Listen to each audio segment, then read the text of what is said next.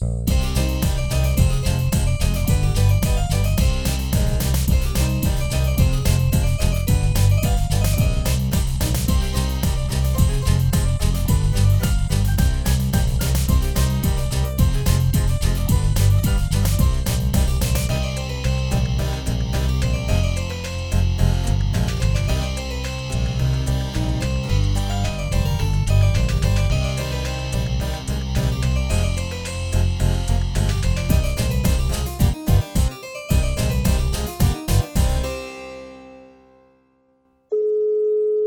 Halo, Hai Ban, sinyal aman kan?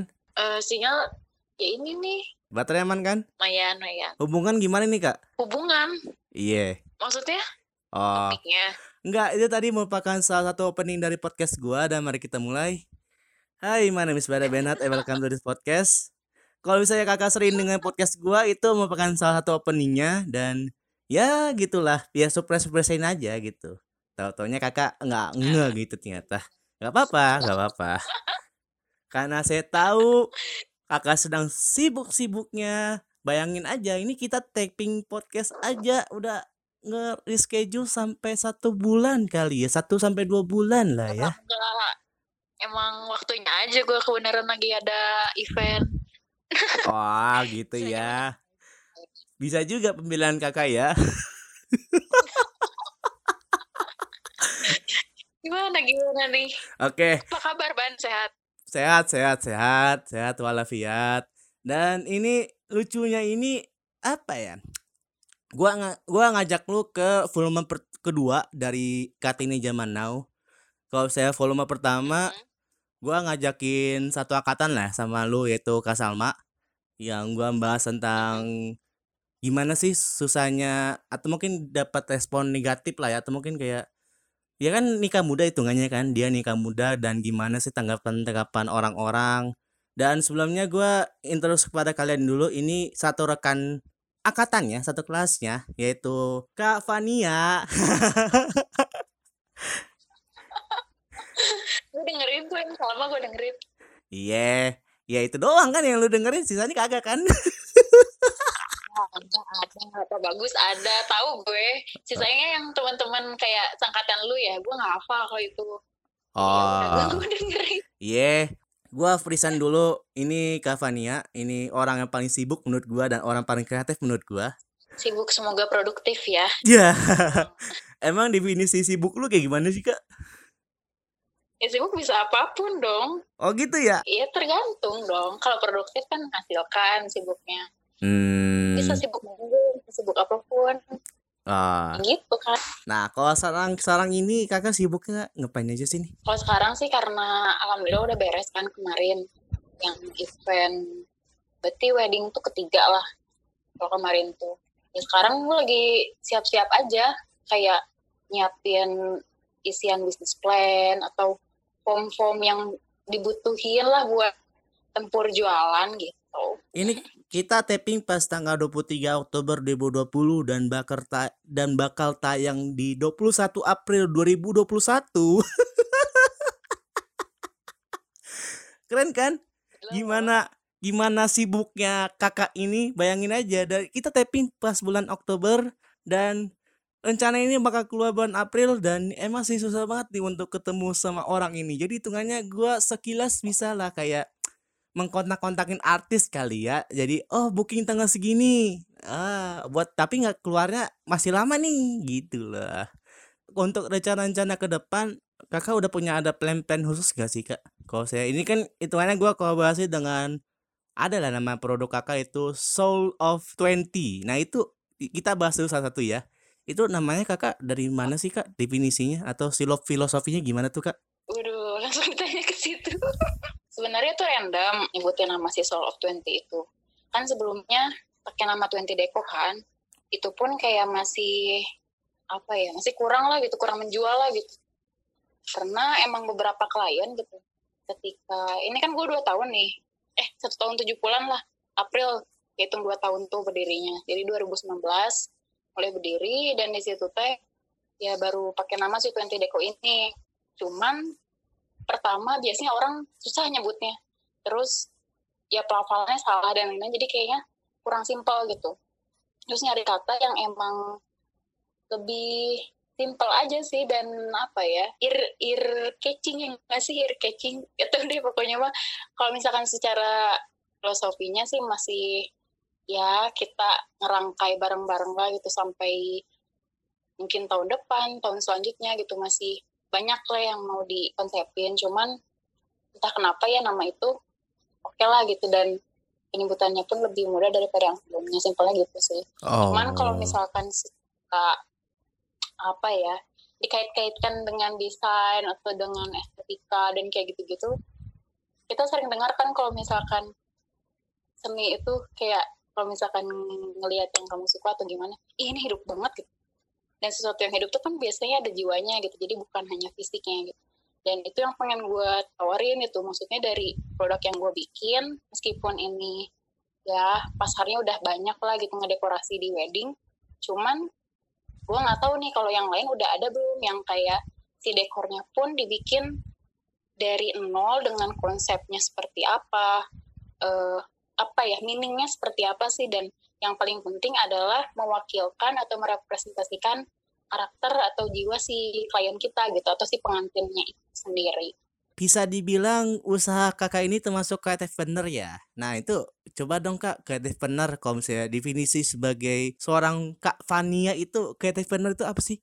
Basicnya sih setahu aku ya ada gimana ya aku mau klaim sebagai kreatif trainer pun emang siapa sih yang bisa ngasih predikat ini gue kreatifnya gimana gitu kan harus banyak dulu karya sih kalau menurut gue sebelum bisa di sandangkan status kayak gitu. Cuman setahu gue gitu kalau misalkan yang namanya bergerak atau punya titel kreatif trainer itu yang pasti berkaitan dengan bisnis gitu. Karena asal kata dari entrepreneur itu sendiri kan.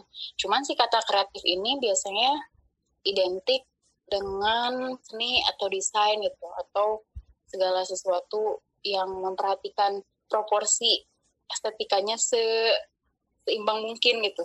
Jadi di prepare dari nol gitu kayak dari packagingnya dari promosi dari desain konsepnya dan segala macam itu didesain se estetik mungkin lah atau sekreatif mungkin. Dan itu bisa datang dari bidang apa pun gitu nggak selalu harus yang berkaitan dengan apa ya. Kan kalau gue dekorasi kan kalau misalkan kreatif trainer di bidang makanan juga ada gitu yang bentukan makanannya aneh atau cantik atau gimana. Jadi selama itu apa ya pokoknya desain atau seni yang menjadi sebuah bisnis itu gimana ya? Gue bahasanya bingung juga. Soalnya nggak terlalu banyak baca juga sih. Hmm. nah kalau di era milenial zaman sekarang kan kita udah pasti udah lihat lah ya banyak banget orang-orang kreatif partner ya, ya di apalagi di rentang usia generasi Z sampai ya ke bawahnya kali ya. Nah, itu kenapa sih banyak banget gitu loh orang-orang yang bergerak di bidang kreatif partner beginian? Mungkin nggak tahu ya. Ini kan gue bukan pakar nih, cuman kalau misalkan boleh menganalisa sedikit beropini gitu. Kita nih kan lahir dari generasi sebelumnya gitu. Di mana generasi sebelumnya juga udah punya apa ya adat kebiasaannya. Dan biasanya tiap generasi punya titel atau karakternya kan kayak oh generasi ini mah rata-rata ya kan dari segi karir gitu banyaknya jadi PNS gitu. Kalau misalkan ini banyaknya jadi pebisnis apa misalkan. Nah yang generasi kita ini lahir ada didikan-didikan sebelumnya yang mungkin cenderung lebih kurang fleksibel gitu. Terus banyak aturan dan ya banyak batasan lah gitu biasanya gitu kalau misalkan yang aku rasain pribadi ketika kecil gitu dikasih banyak batasan itu itu atau ya kalau yang lain cuman mungkin bagi mereka yang kritis kayak kenapa harus kayak gini sih? Kan lebih enaknya kayak gini kenapa emang nggak bisa kayak gitu? Akhirnya banyak timbul pertanyaan seperti itu dan mereka mencoba menciptakan apa ya sistem yang baru atau ide-ide yang mendobrak sistem yang sebelumnya gitu. Jadi dengan cara-cara yang kreatif itu. Karena kreativitas ini biasanya yang muncul kalau nggak karena kepepet karena emang udah buntu dan gak salah lagi harus ngapain dan biasanya nyari di sekitar kita gitu. Apa yang bisa dilakuin dan pakai apa gitu. Dan di situ biasanya timbul kreativitas dan akan menciptakan inovasi sih lebih ke lebih ke arah situ kayaknya. Ya Hmm. lebih ke pola sih kayaknya kalau menurut gue. Hmm. Nah. Apalagi sekarang kan informasi lebih cepet kan Iya. jadi kayak referensi soal ilmu seperti itu lebih luas lagi gitu lebih cepet lagi ya nggak sih Iya, apalagi udah ada sosial media kan sebagai salah satu platform yang kakak gunakan itulah untuk ya tanda kutip menjual lah ya menjual produk yang kakak udah create dari kakak bilang kan dua udah dua tahun yang lalu lah gitu maksudnya. kuncinya Hmm. Nah, coba dong kak kakak ceritain gitu loh awal mula kakak terjun di bisnis ini seperti apa dan kalau misalnya gue bisa bilang itu apakah mungkin dari nama Soul of 20 itu kakak bergerak di bisnis ini dari umur 20 tahun? sebenarnya gue lebih seneng kayak ya udah ngebebasin kayak orang mau interpretasiin apa deh kata 20 gitu. Cuman kalau misalkan dari gue pribadi emang dulu pertama punya penamaan kayak gitu karena ya gue pengen sukses di umur 20 gitu.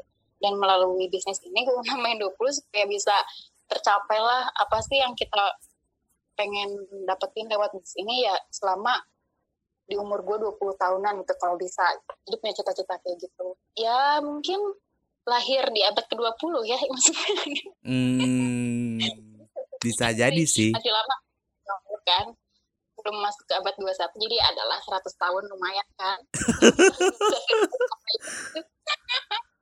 doa lah gitu nama mah cuman Iya. kalau misalkan orang gitu kayak lu barusan mau interpretasi kayak gitu bisa lah masuk gitu. Dulu bahkan awal-awal kalau misalkan searching nama bisnis gue ini keluarnya masih 20 Century Fox kan. Waduh, yang ada nanti takutnya plagiat lagi, takutnya haki lagi kena loh. makanya udah aja diganti biar jadi satu kalimat yang utuh lah gitu. Kalau kemarin bingung aja bacanya 20 apa 20 sih gitu. Bingung juga Hmm. orang-orang. Jadi kita nyari nama yang lebih gampang. Mm-mm. Awal mula kakak terjun di bisnis ini, coba dong kak ceritain.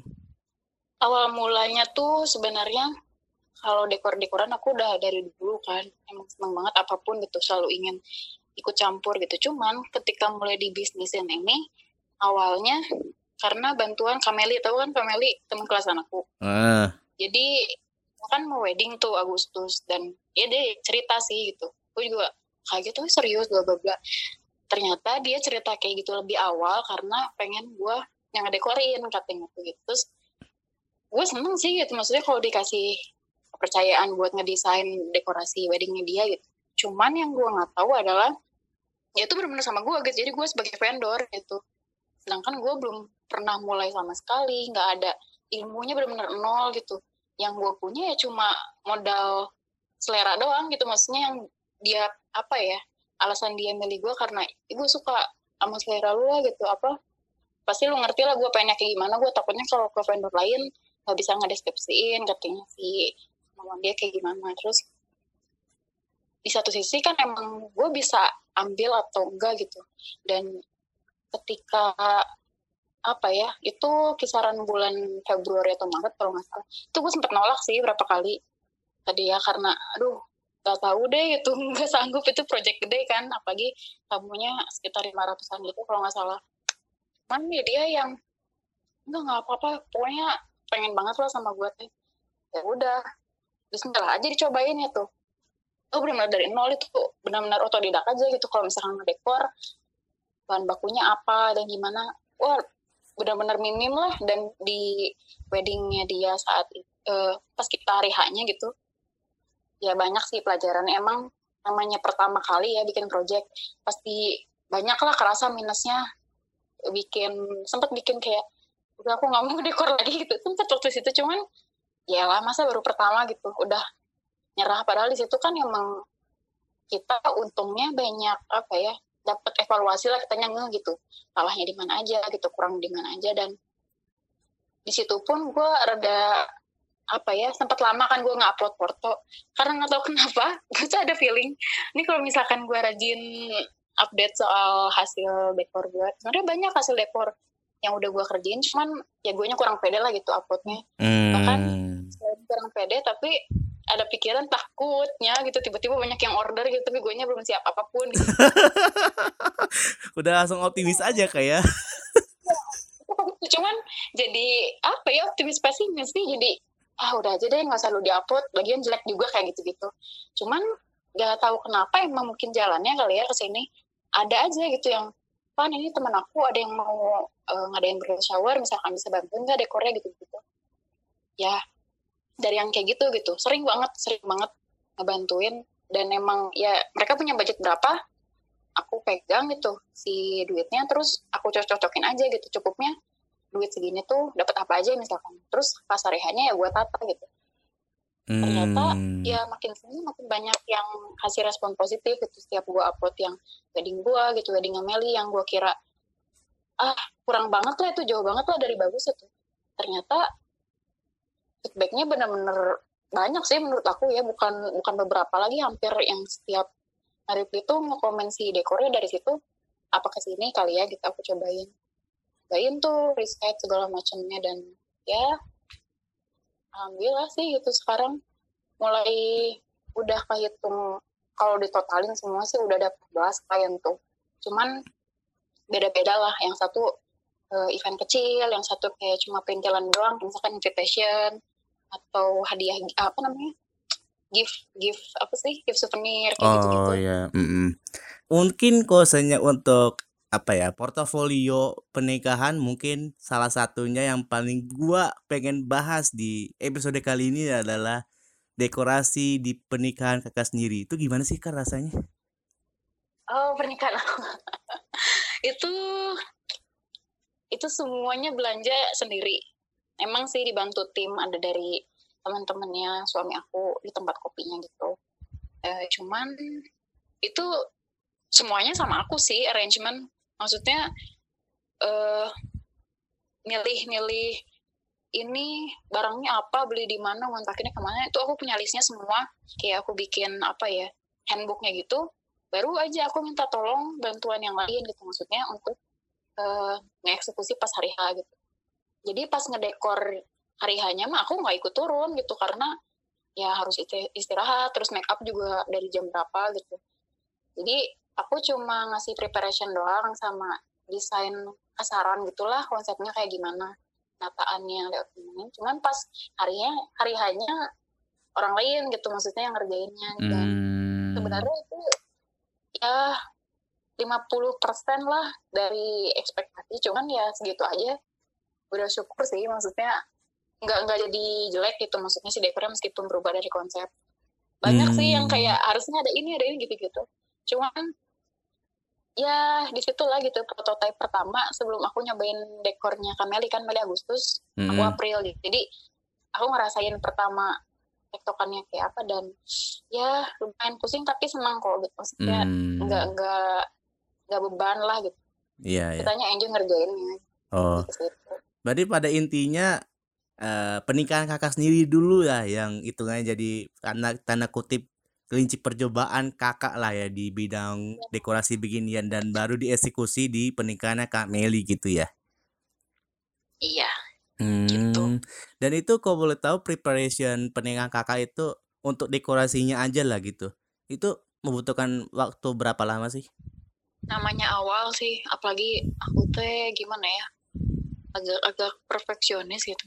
Jadinya lama beresnya. Jadi sebenarnya ngerjain tuh sebenarnya bisa cepet cuman yang lama tuh kayak pas udah selesai ah kayaknya kurang ini nih eh kayaknya kurang ini edit lagi edit lagi terus ah gak, gak bagus deh konsepnya ganti lagi kayak gitu-gitu tuh ini dari konsep doang ya maksudnya kayak bikin gambarannya ilustrasi dan gitu-gitu bisa ngabisin satu sampai tiga bulan sendiri sih jujur ya. Itu benar-benar lama banget lama banget. Cuman gue emang sekarang nih makanya uh, Oktober ini kan beres event yang terakhir pengen nyiapin semuanya lebih matang termasuk uh, apa namanya ya durasi kerjanya gitu loh. Ntar pokoknya gue konsepin harus sebulan beres misalkan. Terus bulan selanjutnya shipping atau nyiapin produksiannya gitu. Kan kita harus apa ya yang beda yang bedain dekorator sama sebenarnya dekorasi tuh orang bisa aja gitu ya ngerjain sendiri cuman ada beberapa item yang kita tuh benar-benar manual gitu bikinnya. Kayak ngecatnya lah gitu yang uh, bikin apa ya kaligrafi printing tuh harus diperkuas dan nggak bisa di print kayak gitu-gitu. Itu bisa apa ya dipisahin waktunya sendiri juga gitu. Sebulan bulan atau dua bulan tuh sama shipping gitu karena ya barang-barang juga sekarang kan udah gampang kan online. Jadi emang beberapa ngambil dari luar gitu. Ntar dikirim bahan bakunya ke tempat aku terus eh ya dirancang. Terus ya udah deh ntar tinggal eksekusi pas hari H. Hmm. Jadi, ya kalau misalkan wedding sih amannya hamin enam bulan hamin enam bulan itu enak lah gitu kalau misalkan kita ngerjainnya. Cuman paling minimal hamin tiga bulan kita bisa ngerjain gitu masing-masing satu Hmm. bulan lah gitu. Oke. Berarti suka dan duka kakak menjalani bisnis beginian apa sih kak? mungkin kalau namanya baru awal gitu kita baru startup nggak tahu sih kalau yang lain ya tapi kalau misalkan aku dekorasi sendiri jujur kalau misalkan duka mungkin yang ngeselin-ngeselin ada cuman itu bukan sesuatu yang berpengaruh banget gitu cuman kalau keduka lebih kayak kita banyak harus tahu sama supplier atau vendor yang jujur lah atau enggak eh, dipercaya gitu. Soalnya aku yang project keberapa gitu aku lupa. Sempet ya ada masalah gitu sama supplier atau sama vendor karena ya kesalahan komunikasi kayak gitu-gitu. Jadi eh ngaruhnya ke sih ke finansial ya lebih beratnya gitu. Cuman ya apa ya pelajarannya sih. Jadi aku so far sih insya Allah masih dalam tahap aman itu kalau misalkan dibilang duka ya. Jadi apalagi ya sukanya sukanya semua suka sih. Aku maksudnya dari Hmm. awal tahapan kita ngobrol sama orang yang mau kita bantuin dekornya gitu aku senang gitu kayak kamu senangnya kayak gimana? gitu. Mau dibikin kayak gimana? Aku punya referensi nih eh dari model yang kayak gini temanya sampai gini kan kita perlu ngumpulin banyak informasi kan soal kayak gitu dan Hmm. apa ya gue bilangnya surfing sih surfing di Pinterest gitu kan nyari-nyari inspirasi gitu-gitu ya Oh Senang. iya iya iya. iya. iya dari situnya senang kan lihat gambar-gambar uh, cuci mata gitu Ya. terus dari situ kita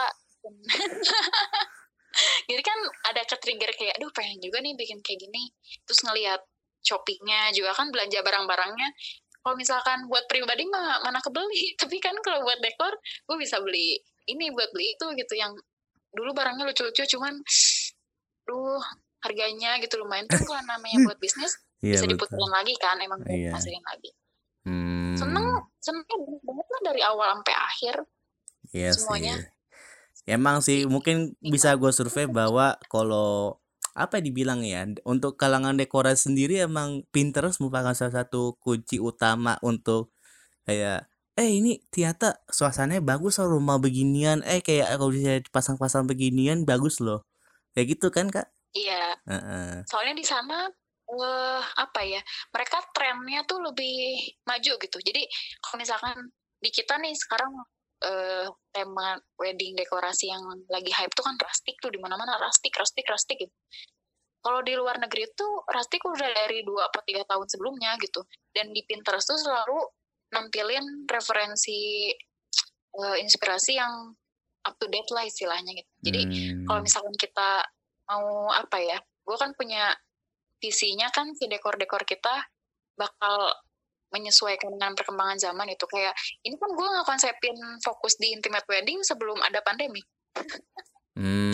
Jadi, gue dari awal kayak eh apa ya pertama emang gue pribadi kan pengennya dari dulu udah nikah nikah tuh nggak mau yang gede-gede banget gitu yang di gedung tamunya banyak banget pusing gitu pegel gitu di depan harus salam-salaman gitu. Gue pengen yang mingle aja gitu yang santai. Dan itu namanya intimate kan. Kalau misalkan gue waktu itu lagi browsing. Terus eh di Indonesia kayaknya masih kalau di Bali sih udah sering ya karena di sana banyak turis dari mana-mana kan. Mm-mm. kalau ngadain wedding di Bali. Emang mereka cenderung undang tamunya lebih sedikit gitu. Sedangkan kalau di Bandung eh menurut gue Bandung tuh paling enak tempat buat ngadain acara atau pernikahan konsep outdoor gitu karena cuacanya kan suhunya enak itu ketimbang kalau di kota-kota lain kan lebih panas nih jadi rata-rata mereka pasti ngambilnya di hotel di gedung gitu yang Hmm. AC gitu. Nah di Bandung nih salah satu destinasi atau pilihan lokasi paling tepat sih maksudnya buat wedding ya selain di Bali. Jadi menurut gue nih peluangnya lumayan lah gitu maksudnya pasarnya pun masih sedikit gitu vendor-vendor yang ngarah ke wedding skala kecil gitu karena gue mulai ke Hmm. situ isi soul to soul of 20 itu makanya pas kemarin pandemi gue nggak kaget sih maksudnya dah, emang gue emang udah prepare untuk skala kecil kan yang cuma standarnya sih kayak 25 maksimal di 200 tamu undangan Oh. Terus, hmm, gue tuh jadi klien gue tuh yang wedding atau si acaranya tuh di kisaran segitu tamunya kalau lebih dari 250 gue nggak bisa nerima gitu karena gue akan fokus di yang kecil-kecil karena akan lebih detail gitu dari penempatan dan lain-lainnya gitu Untuk kalangan keluarga nih, yang pastinya ya gua nggak tahu apakah mendukung atau enggak. Termasuk ya bisa dibilang suami kakak sendiri lah ya. Gimana sih kak tanggapan dari suami atau mungkin dari pihak keluarga kakak gitu yang gimana apa tuh kayak mengenai bisnis yang kakak jalani sekarang inilah. justru gue juga ini bisa jalan bisnis karena gue karena gue nikah sama suami gue. Kalau boleh gue ceritain ya sedikit. Sebenarnya nih gue dari pas pertama dimintain tolong Meli buat bantuin dekornya dia gue tuh belum ada rencana buat nikah sama sekali gitu. Apalagi tahun itu gitu. Itu masih bulan Januari apa Februari lah si Kamel itu mantakin gue nah gue nggak ada planning mau nikah dan gue bingung gitu. Harus modalin dari mana dan kayak segala macam nggak tahu kenapa. Pokoknya itu nggak ada hubungannya sama sekali.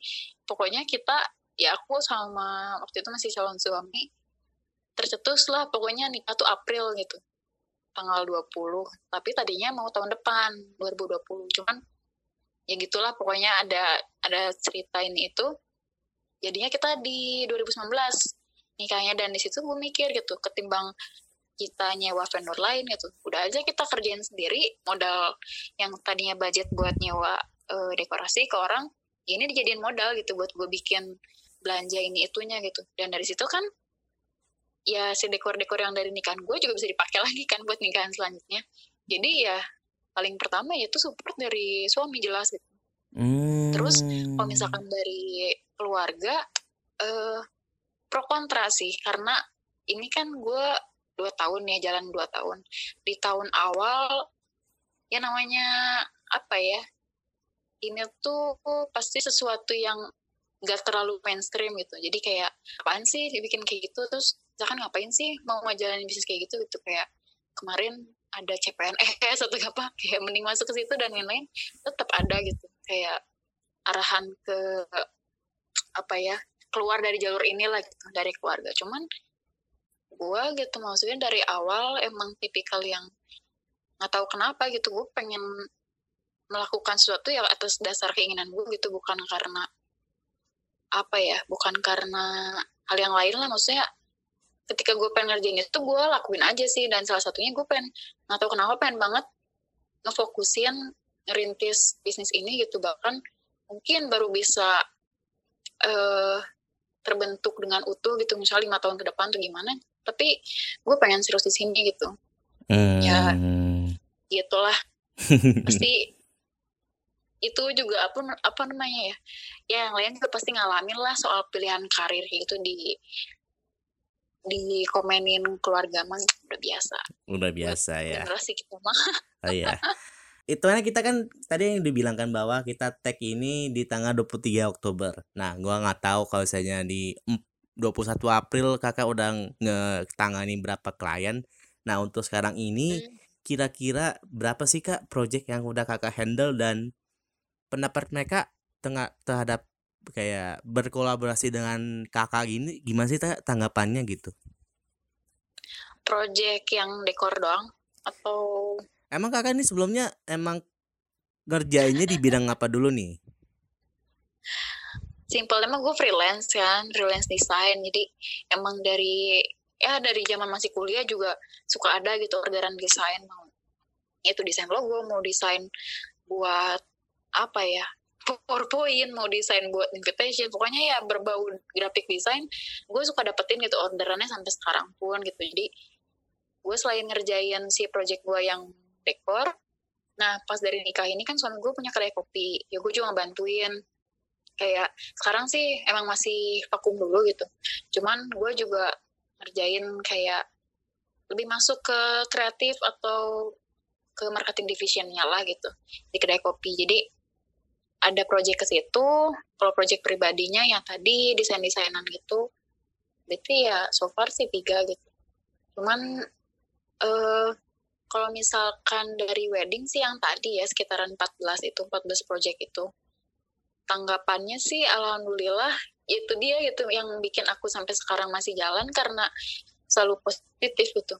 Bahkan uh, cenderung kayak nanti kalau ada ini lagi aku mau sama kamu lagi ya gitu. Ada feedback yang repeat lah gitu maksudnya repeat order atau ya customer yang loyal kayak gitu. Bikin aku oke okay lah gitu kita jalan dulu. Dan sampai sekarang sih ya alhamdulillah gitu. Masih ada eh udah ada yang kayak aku mau booking buat tahun depan gitu. Buat engagement atau buat wedding gitu. Jadi ya segituan lah. Hmm itu yang wedding termasuk yang bridal shower itu? Oh kalau wedding tuh baru tiga. Oh wedding tuh tiga bridal shower lima atau enam gitu. Cuman aku belum upload semua yang bridal shower. Kayak baru tiga doang yang diupload. Sisanya ya gitu. Aduh sebenarnya ini tuh kemarin jadi satu lagi itu kan ada handphone yang buat bisnis kan khusus. Itu udah ternyata kehapus foto-foto yang harusnya gue upload waduh. event-event yang udah sedih banget. Emang pak. Nggak maksudnya kenapa nggak gitu kak ke ke backup gitu di backup gitu di Google Cloud atau mungkin kayak iya, gimana gitu karena gue ngerjain semuanya sendiri jadi kayak hal-hal yang kayak gitu yang sepele-sepele yang kecil-kecil tuh dientar-entar gitu loh kayak ah. tar dulu deh tar dulu yeah. itu sih maksudnya oh ya paling itu sih kendalanya hmm. kalau di awal kan gue masih ngerjain semua sendiri lah emang kalau sekarang udah mengundang beberapa teman untuk membantuin. Wih, mantap. Allah biar rada bisa berkembang lah gitu. Kalau sendiri terus susah. Susah kita berkembang. Iya ya paham gak paham. Dan sekarang kalau boleh tahu udah berapa orang nih kak yang udah jadi tim kakak gitu? Um, kalau yang utuhnya sih lima orang. Satunya aku satunya tanggung jawab di finance, satunya lagi penanggung jawab di administrasi, sekretariat kayak gitu-gitu. Sama satu lagi PR-nya lah atau yang ntar bakal ketemu sama klien-klien gitu bagian apa ya namanya tuh. Apa sih? Bukan marketing sih ya PR lah pokoknya.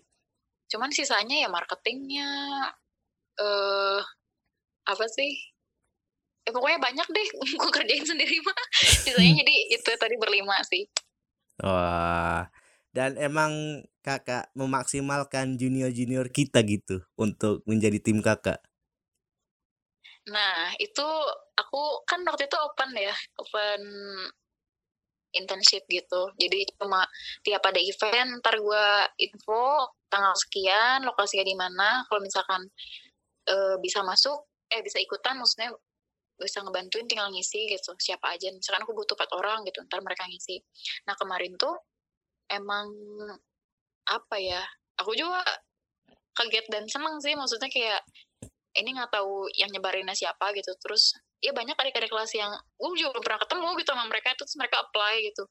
Tahu dari kelas siapa atau dari kelas siapa misalnya dan emang ada apa sih namanya ya gue sesuai banget sih cuman ya udah sih gue lagi nyari orang yang se apa ya secocok mungkin lah sama kinerja yang bakal apa ya sistem kerja yang bakal gue iniin. Dari screening kan mereka ngirimin portofolionya mereka kayak gimana sih dan lain terus gue seleksi beberapa dipanggil interview dan kaget banget sih banyak waktu itu sampai 72 kalau nggak salah yang apply. Wow. Terus gue sambung itu makanya langsung naik banget followersnya dari situ. Oh karena butuh karena tadinya tahun ini gue tuh bak langsung ada tiga event tiga tiga wedding. Tiga wedding bahkan. Juni hmm. dua uh, kemarin Oktober satu. Cuman dua satu cancel satu pending. Ya. Pak kan kasih kan sebelum pandemik itu gue langsung open internship kan karena gue butuh tenaga lebih banyak. Terus dari interview ada beberapa yang mundur karena nggak uh, masuk ke sistem kerjanya ada yang oke okay, gitu ada yang uh, apa namanya ya cocok lah gitu. Akhirnya sih sisa jadi sisa berapa orang ya? 12 orang gitu aku masukin tim grup tuh. Dan yang terakhir juga itu emang Kak Fitri kan kemarin yang ngebantuin di project terakhir. Kak Fitri udah emang dulu sebelumnya di ya lu juga tau lah di kreatif Hmm, event dulu hmm. kan nama kita di kreatif design dan ya gue seneng sih ternyata dia mau kerja lagi sama gue gitu Oh, alah. Iya, iya, iya. diri gitu ayo kak gitu tuh terus ya pas gue ajakin dia yang mau ya udah gitu. Oh. Eh, itu Karena BTW si sakit. Fitri itu si Fitri itu baru baru lulus ya dia ya? Fresh graduate ya itu kan ya? Iya, iya. baru beres sidang dia kemarin Oh, alah. Tahu gitu, mendingan gua pak- pakai visip kakak aja kali ya, open recruitment buat anak-anak bawah kali ya. Heeh. Solusi yang bagus untuk mengka untuk, untuk apa ya? Untuk mendapatkan SDM yang bisa dibilang gratis lah ya. aduh nggak gratis loh kita dibayar loh itu Oh gitu. Oh bayar. Kan? ya dibayarnya per project per project cuman Hmm. maksudnya meskipun dalam kata internship ya maksudnya karena ntar mungkin dipanggilnya pas lagi acara aja gitu. Tapi kalau misalkan ini juga kan ntar ke depannya kita pasti bakal butuh beberapa posisi gitu. Kalau misalkan ininya bisa lebih besar gitu amin. Butuh beberapa Hmm. posisi. Mungkin kalau misalkan dari yang internship ini mereka enak gitu kerjanya bareng sama kita ya apa salahnya gitu sama kita diangkat masuk jadi ke tim itu kan itu paymentnya beda lagi. Udah nggak per project kalau misalkan masuk tim. Oh gitu gitu. ya. Nah, untuk Cuman- mengenai payment nanti tahan dulu Kak, nanti ada di pertanyaan berikutnya. Tahan dulu. Waduh, jangan dong Dan kayak gimana ya? Kalau saya mengenai SDM yang itu gue menarik sih, dibilang kayak ada salah satu senior kita namanya Nur Mm-mm. Anissa. Kakak tahu nggak namanya? Nur Anissa kakak kelas kita ya Yang itu seangkatan sama Bang Rizky, Rizky Adi. iya iya iya iya iya Nah, gimana tuh Jadi eh mungkin kalau dalam tapping pada kali ini gua masih belum interview dia, tapi gua udah nge-reschedule eh gua gua udah ngatur-ngatur jadwalnya dia bahwa dia pengen kayak adalah dia kan pengen nikah. Nikahnya itu bulan November kayaknya itu. Dan dia pengen ngerekrut anak-anak angkatan anak-anak anak-anak itu junior-junior kita gitu. Nah, jadi gue Oh, menarik gitu loh kayak gitu Iya, tapi gue kayak menarik aja gitu. Kok harus kayak misalnya kayak meng- menggunakan SDM yang ada gitu loh. Hitungannya bisa jadi meme- mepet kali gitu ya. Jadi itunya udahlah. cuman lebih kayak ke kalau gue pribadi ya ada ada trusted gitu maksudnya sama adik gue nyobain itu. Maksudnya kemarin pas interview tuh bener-bener random gitu. Ada yang dari eh, anak-anak apa namanya STP ada yang dari kampus lain ada yang bahkan udah kerja ada yang random banget sih dari mana-mana gitu. Dan gue nyobain gitu maksudnya nggak semua dari anak STP gitu gue seleksinya. Gue nyobain dari yang lain dan emang eh gue pribadi gitu nggak tahu karena kita alamat terjadi di situ apa gimana ya? Cuma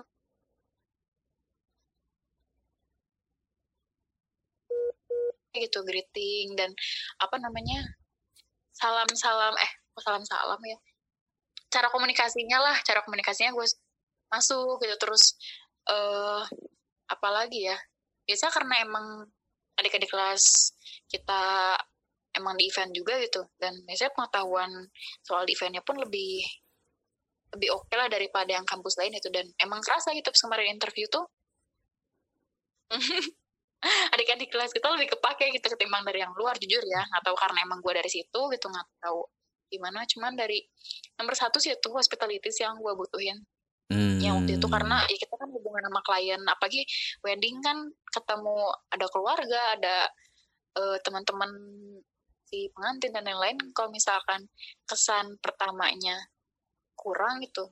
Kita kan bisa dapat bad review gitu. Jadi hospitality penting sih di industri kita lagi-lagi gitu. Hmm, oke. Nah, untuk dan project nih, udah, udah hatam udah hatam ya, oke. Nah, untuk project sendiri, kakak gimana sih menentukan harga per project itu dan kebijakan? Pastinya kan kakak yang tadi kan kakak bilang bahwa kakak bisa dibilang freelance designer lah ya. Berarti hitungannya klien datang dan untuk menentukan harganya itu kebijakan untuk revisinya itu bagaimana sih kak? Biasanya kalau gua denger-denger nih ada yang bilang eh revisinya berulang-ulang terus tapi dipakainya desainnya pertama atau gimana gimana itu kak? Kalau saya untuk kakak sendiri itu kebijakannya bagaimana nih? Coba jelasin dulu nih kak kalau sepengalaman gua sih gitu dulu juga di awal pas mau mulai nerima orderan kayak gini gue juga bingung gitu gue ngasih rate berapa gitu. Tapi ya gue juga nggak tinggal diam kan gue nyari-nyari soal kayak gitu gitu. Dan rata-rata sih itu sebenarnya balik lagi ke agreement antara si desainer sama si klien. Mau desainnya seperti apa, dibajetinnya berapa, terus dikasih rentang waktu pengerjaannya berapa lama, terus termasuk yang revisi tadi gitu. Apakah mau suka ada gitu desainer yang bebas revisi sampai puas gitu. Ada yang terima gitu, ada juga yang enggak kita cuma batasin dua misalkan. Karena masing-masing udah punya workflow-nya apa ya yang berbeda-beda gitu dan biasanya untuk rate atau ya harga per desainnya itu uh, pertama sih emang di awal kita lebih banyak kayak kalau gue pribadi ya bikin dulu gitu. Terus ya udah terserah lu mau ngasih harga berapa nih buat desain gue kayak gini gitu. Cuman yang gue ukur adalah uh, waktu atau lama pengerjaan si desain itu berapa lama gitu. Kalau gue ngerjainnya lima jam gitu atau misalkan dua hari atau berapa itu kan ngaruh tuh. Misalkan ada yang minta lebih cepat atau yang nyantai gitu itu kan ngaruh sebenarnya. Cuma sebenarnya balik lagi sih hitung hitungannya ada yang harganya per project ada yang kalau gue desain ada yang per halaman gitu ngitungnya aku sekarang sih gue ngitungnya per halaman gitu hmm. yang lagi lagi langganan nih apa bagus nih iya gue pantengin gue pantengin mulu SG-nya dia Hmm, filosofia. Oke, tiap hari kayak bukan kayak tiap hari deh. Ada mungkin ngeskipnya mungkin Sabtu Minggu ngeskip lah ya buat dia oh, kali. jadwal jadwal jadwal. Cuman maksudnya itu kayak uh, satu proyeknya misalkan ada 30 halaman gitu. Buat desain yang mana itu harganya sekian gitu. Kalau misalkan pakai nama kita udah dealannya kemarin gitu. Uh, pokoknya desain dikirim transfer katanya terus kalau misalkan revisi masih mungkin karena kita udah ya udah tahu juga lah apa namanya cara kerja masing-masing jadi dari aku pun gitu kalau aku pribadi sebisa mungkin sebelum ngerjain tuh uh, informasi yang aku butuhin aku udah tanyain semua gitu. Jadi ketika ngerjain emang udah sesuai brief yang dia minta.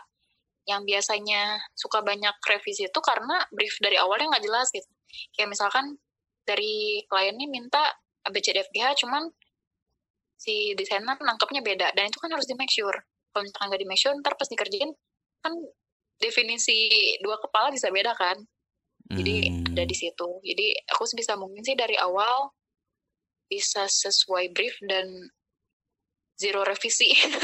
Hmm. paling revisi kayak emang cuma typo gitu. Paling ada penambahan. Tapi kalau misalkan ke desain sih alhamdulillah aku jarang dapat revisi yang jelek ganti gitu. Biasanya sekali udah langsung oke okay, paling ada penambahan. Sampai dua kali paling. Jadi aku sih biasa rata-rata ngasih tiga sih tiga kali revisi. Hmm. Nah berarti hitungannya gimana gimana kak? Gimana kak? Sorry sorry, sorry. Itu kan yang graphic design ya. Kalau misalkan yang wedding beda lagi. Dibahas nggak? Hmm. nggak apa-apa nggak apa-apa nggak apa-apa nggak apa-apa. Nggak, soalnya kalau yang wedding tuh kita kan ngerancang layout, ngerancang tiap spot tuh desainnya kayak gimana gitu. Dan biasanya diatur gitu kayak dari depannya udah penuh berarti tengah-tengahnya harus kayak gimana. Dan itu kan harus proporsional. Cuman yang PR itu adalah ketika uh, ganti venue gitu. Itu masuknya revisi karena kita harus mulai lagi dari nol kan itu desainnya dan itu dikasih batas ya si tiga kali itu gitu cuman kalau misalkan revisi kayak cuma ngeganti layout kursi atau ganti warna itu mah apa-apa maksudnya kalau di dekor mah kita sebisa mungkin ngikutin se apa ya wedding vision atau wedding dreamnya klien lah. Kalau revisi masuknya yang tadi yang total itu. Kita ganti venue ganti lagi rombak konsep. Maksimal di tiga. Hmm, berarti hitungannya untuk per project lah kita sebut ngerjainnya begitu oh berarti hitungannya per projectnya ini maksudnya untuk penentuan revisi emang udah dipaketin lah kalau saya di untuk di wedding sendiri lah ya kak? Harus di harus ditegasin dari awal kita perjanjiannya kayak gimana. Kalau misalkan nggak diobrolin dari awal nantinya di tengah-tengah masa kalau misalkan kita mau uh, maaf kita sebenarnya revisinya maksimal tiga kali kan gak enak ya. Kalau misalkan kenapa nggak ngomongnya dari awal misalkan kayak gitu? Jadi masih bisa mungkin dari awal agreementnya jelas lah gitu. Dan juga ke depannya harus ini kita pun gitu kayak ada klien buat dekor jatuhnya kayak ada hitam di atas putih juga gitu kontraknya kayak apa list ordernya seperti apa terus kalau misalkan ada kerusakan atau hilang barang atau kayak gimana penyelesaiannya seperti apa kayak gitu-gitu. Hmm, kalau saya di kakak sendiri untuk paket pernikahan lah ya atau mungkin untuk bridal shower itu ada paket-paketnya sendiri nggak sih kak yang kakak udah bikin sendiri termasuk juga untuk penggunaan revisi gitu sedang dirancang. Waduh. Makanya kan kemarin aku istilahnya masih trial and error kan. Emang aku nentuin tahun depan lah kita mulai dagang beneran gitu. Hmm. Ini dua hmm. tahun awal nih kita trial and error lah masih kayak ngebaca pasar kayak gimana gitu minat dan apa ya kalau di Bandung gitu rata-rata kemampuan ekonominya ada di mana kita bisanya gitu kita ngambil medal apa apa apa bawa apa gimana gitu kan itu masih banyak apa ya kita masih ngumpul-ngumpulin data sih masih ngumpul-ngumpulin kuesioner gitu buat nentuin oh cocoknya kita bikin paket ini harganya sekian gitu hmm. cuman sejauh ini ya kita kayak ada yang minta kayak gini kita cobain kerjain kasih rancangan budgetnya berapa masuk kita kerjain Hmm. Masih tailor made lah bahasanya, custom yeah. banget. Berarti untuk penayangan podcast ini untuk harga paket bisa kalian lihat aja lah ya di Instagram tetangga. Dia itu Soul of 20.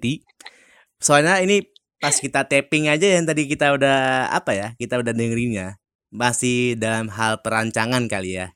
Nah, mungkin dari dua tahunnya berdirinya Soul of 20 mungkin udah ada lah kali ya paket-paketnya termasuk untuk revisi lah kayak Iya dong, harus ya. nanti mah udah enak lah ada menunya gitu. Hmm, Oke, okay. untuk menu lagi di apa kali ya. Nah, untuk berarti pan, uh, pandemi ini sendiri mengganggu aktivitas kakak gini gak sih menurut kak, menurut kakak sendiri? Oh malah sangat di berkahi sih. oh. Karena di waktu yang tadinya kita harus fokus ngerjain project, kita jadi lebih fokus ngerapin internal kan. Jadi punya banyak waktu buat kan karena aku freelance ya, nggak nggak terikat sama perusahaan mana pun. Jadi lebih banyak waktu luang sih jujur. Kalau misal pribadi buat ngerjain apa yang pengen aku siapin gitu. Cuman ya apa ya yang menghambat? Karena aku sih selalu di rumah ya jadi aman-aman aja sih kalau hmm nggak dicurigain gitu sama suami kok kamu di rumah mulu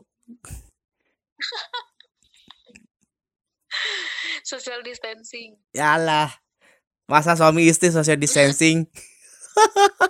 Oh enggak dong.